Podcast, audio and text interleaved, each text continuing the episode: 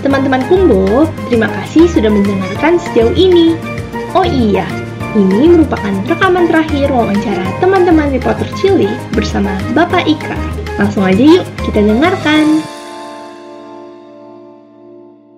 Pak Ikrar, ada Fadil yang dari tadi nggak sabar mau nanya. Aduh, Fadil lihat tuh mukanya udah ini aja tuh. Gimana Fadil?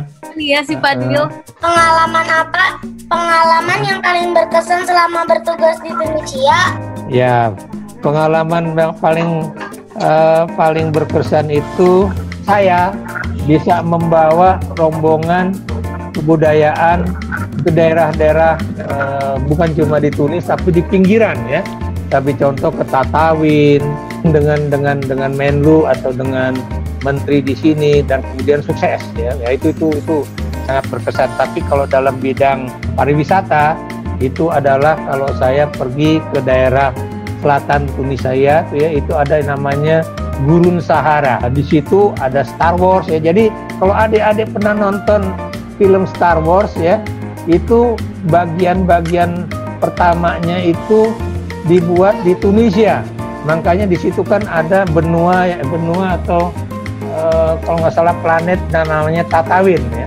Nah, planet Tatawin itu sebetulnya daerah di Tunisia yang bernama eh, Tatawin.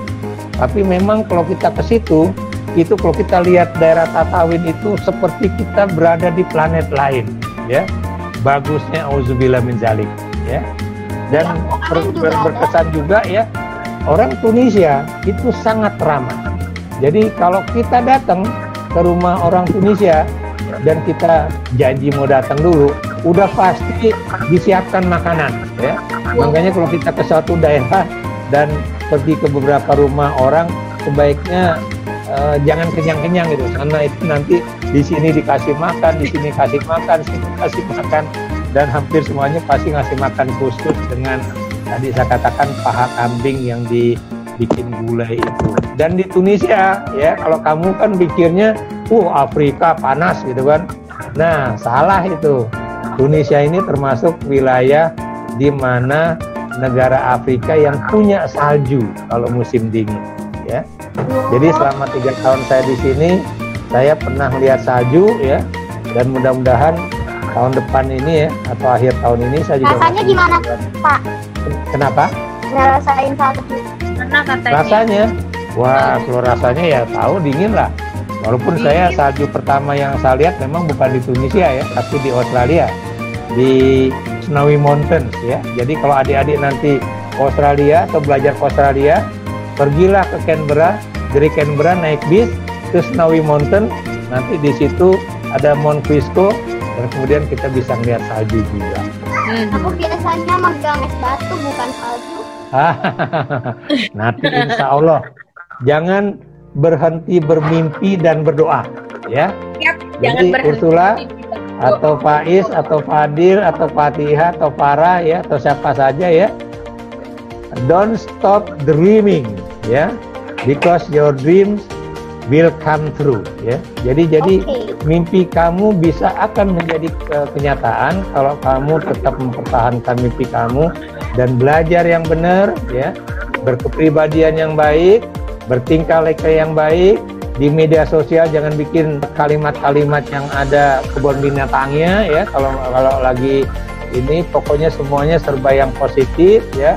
Dan saya yakin kalau kamu belajar benar disiplin belajar one day kamu akan bisa pergi ke Tunisia atau negara lain ya di luar Indonesia jadi Amin. Nah. Don't stop dreaming guys ya. Don't, don't stop. dream dreaming ya jadi don't stop dreaming karena Oke. mimpi kamu akan menjadi kenyataan ya Amin.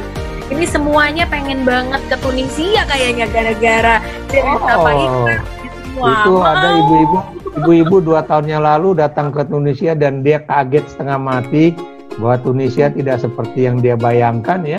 Jadi dia ternyata bisa pergi ke Tuzer ya yang yang ada Saharanya. Dan laut di Tunisia kalau lagi musim panas beningnya auzubillah min zalik. Ya om. lautnya bukan main bagus. Kalau musim dingin kita pergi ke arah utara sedikit bisa ngeliat salju. Ya. Dan kalau dari Tunisia ke Eropa deket.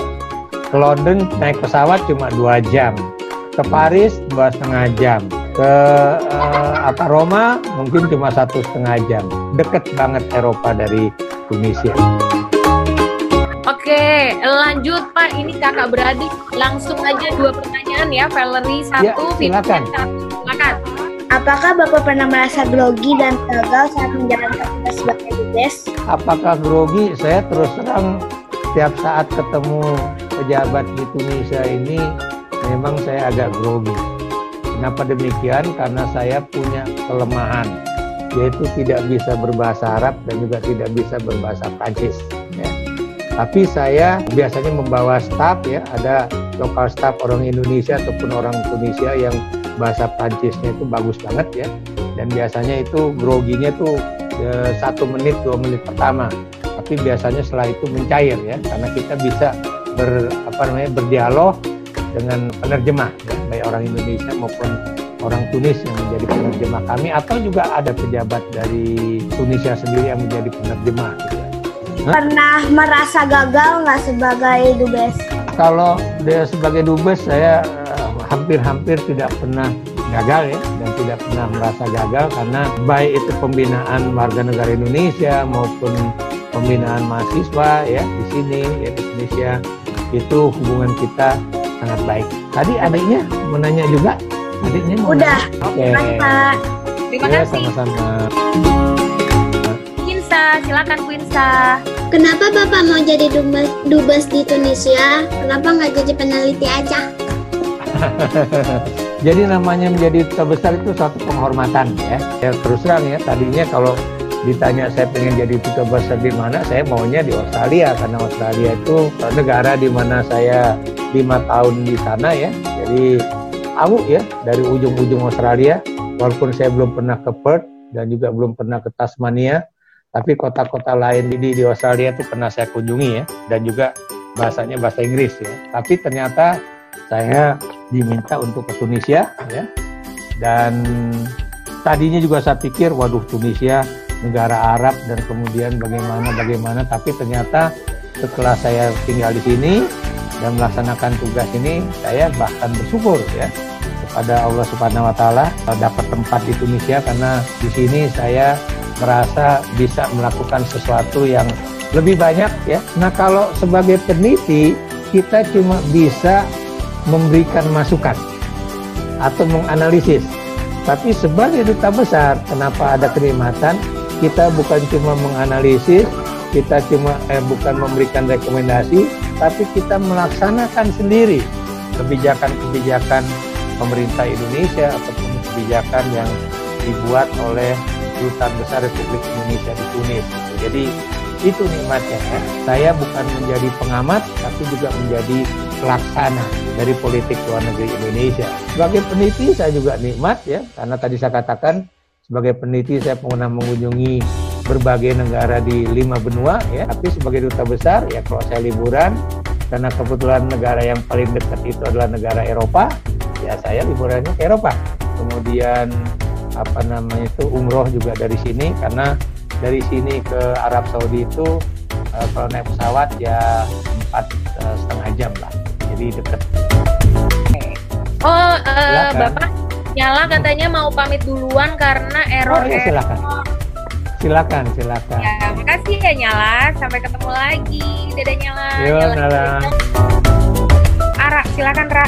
Iya, aku mau nanya apa enak dan gak enaknya jadi dubes. waduh tadi saya katakan banyak ya Mhm. baik secara pribadi ya maupun sebagai wakil Indonesia di Tunisia ya tadi saya katakan kalau kita bisa membawa tim kesenian atau ketemu presiden ketemu menteri eh, enak itu promosi makanan Indonesia itu pokoknya nikmat apalagi kalau kemudian orang pada suka ya gitu.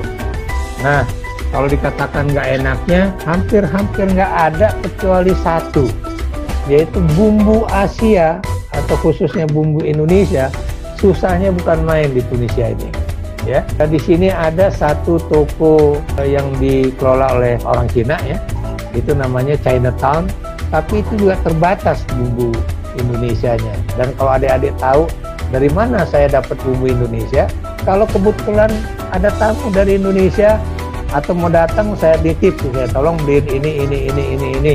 Jadi biasanya tamunya nggak beli tapi kita beli terus kemudian diantar ke rumah tamunya nanti tamunya bawa ke sini. Oh, Begitu. atau kalau kebetulan lagi jalan-jalan ke Belanda ya itu semua bumbu apa pun itu ada. Kalau tahu harus bikin ya. Kayak kemarin tuh tim Wisma bikin tahu ya untuk lebaran nanti. Toge kita juga bikin sendiri baik dengan kacang hijau atau dengan kacang merah. Kerupuk juga demikian karena ini lagi lockdown udah tiga bulan ya. Itu nggak ada orang dari Jakarta ke sini ya udah kita bikin kerupuk sendiri ya. Wah jadi belajar bikin macam-macam kalau di sana ya Tuh, Pak. dan mahasiswa Indonesia biasanya banyak yang suka bikin makanan nawar-nawarin ya baik kepada sesama mahasiswa atau kepada uh, lokal staff ataupun home staff atau warga negara Indonesia yang ada di Tunis khususnya ya. Tunis. Jadi, Ya, jadi oke. kita ya suka beli juga begitu. Ada dia Manta nih. Tadi Profesor Ikrar bilang Ya. kalau lewat dari perbatasan ditangkap, kalau bawa paspor boleh. Oh, jadi kalau kita ke perbatasan suatu negara, ya, itu kita harus punya paspor, ya. Tapi kalau misalnya negara itu bukan negara ASEAN, itu kita harus punya visa. Visa itu adalah izin untuk masuk ke negara tersebut, ya. Apakah untuk 30 hari sebagai turis, ya, ataukah kayak saya tuh tiga tahun sebagai duta besar, ataupun untuk bekerja ya ada visa kerja, ada visa turis, ada visa diplomatik ya. Jadi jadi itu ya kalau kita mau ke menyeberang ke suatu negara memang harus punya paspor kecuali kalau di Indonesia ya kecuali ke perbatasan suatu negara yang punya perbatasan darat dengan Republik Indonesia. Tapi contoh orang yang tinggal di daerah perbatasan itu kalau dia adalah penduduk tradisional, dia pindah, eh, bukan pindah ya, menyeberang dikit ke Malaysia itu di Kalimantan Barat ya, atau di Kalimantan Timur itu bisa tanpa paspor. Tapi kalau kita bukan orang yang tinggal di daerah perbatasan, harus punya paspor. Saya misalnya ke waktu ke eh, Papua New Guinea ya, dari Papua ya, atau dari Papua New Guinea ke Papua itu juga harus pakai paspor. Ke Australia juga pakai paspor. Ke semua negara ASEAN juga pakai paspor. Jadi jadi memang begitu. Paspor itu seperti kartu bahwa kita warga negara Indonesia atau warga negara yang lain. Ini mungkin terkait sama ceritanya Pak Ikrar tadi Pak yang Ya. kalau selama PSBB eh selama lockdown kita kalau mau ke apa di perbatasan dicegat gitu. Betul. Nah, Tapi Kalau- di sini bukan perbatasan negara ya. Itu yang Oh, tadi yang saya maksud perbatasan provinsi. Ya. Perbatasan provinsi. Saya contoh sekarang kan kalau nggak salah Gubernur An- Anies Bas- Baswedan ya DKI kan pokoknya orang Jakarta atau orang dari Jabodetabek masuk Jakarta katanya sekarang diperiksa ya bagaimana ya. Ya. Walaupun untuk Jabodetabek ya, susah ya karena kan kita kan kayak saya kan di Bekasi tuh jalan dikit di di Jakarta. Iya. Cibubur udah Jakarta gitu kan. Gitu. Pondok Ranggon udah Jakarta ya. Jadi jadi agak susah kalau kalau Jabodetabek itu juga dibatasi ya. Jadi itu yang tadi saya maksud tuh perbatasan perbatasan provinsi. Ditangkap polisi bukan karena nggak punya paspor, tapi karena dia melanggar aturan PSBB. Begitu. Pak Ikrar, terima kasih banyak ya, sudah mau diajak molor-molor sampai jam segini. Maaf ya. Pak. Teman-teman, terima kasih banyak juga ya udah ikutan hari ini. Udah lapar-lapar Iya. bareng. Kecil Udah ya pengen mudah-mudahan kita punya uh, apa namanya itu impian ya jangan berhenti bermimpi bahwa tidak ada sesuatu yang tidak bisa kita raih ya mimpi mau ke Hawaii udah lima kali ke Hawaii mimpi mau ke Jepang udah lebih dari 10 kali ke Jepang. Mimpi mau ke Cina? Udah lebih dari 10 kali ke Cina ya. Jadi impian saya mau ke perbatasan Korea Selatan Korea Utara udah dua kali ke situ. Jadi jangan berhenti bermimpi walaupun mimpi itu harus diimbangi dengan usaha belajar ya disiplin, turut kepada orang tua, jangan juga uh, lupa uh, sholat ya buat yang muslim ya, kemudian uh, sembahyang buat yang non muslim atau berdoa dan sebagainya sebagainya. Mimpi-mimpi anda itu akan menjadi kenyataan. Itu. Terima kasih Bapak. Terima kasih Bapak Ikrar. Bapak Ikrar. Ya, teman-teman itu. Terima kasih, Bapak ya. Yang baik ya. Ya. Bye bye. Selamat siap-siap berbuka.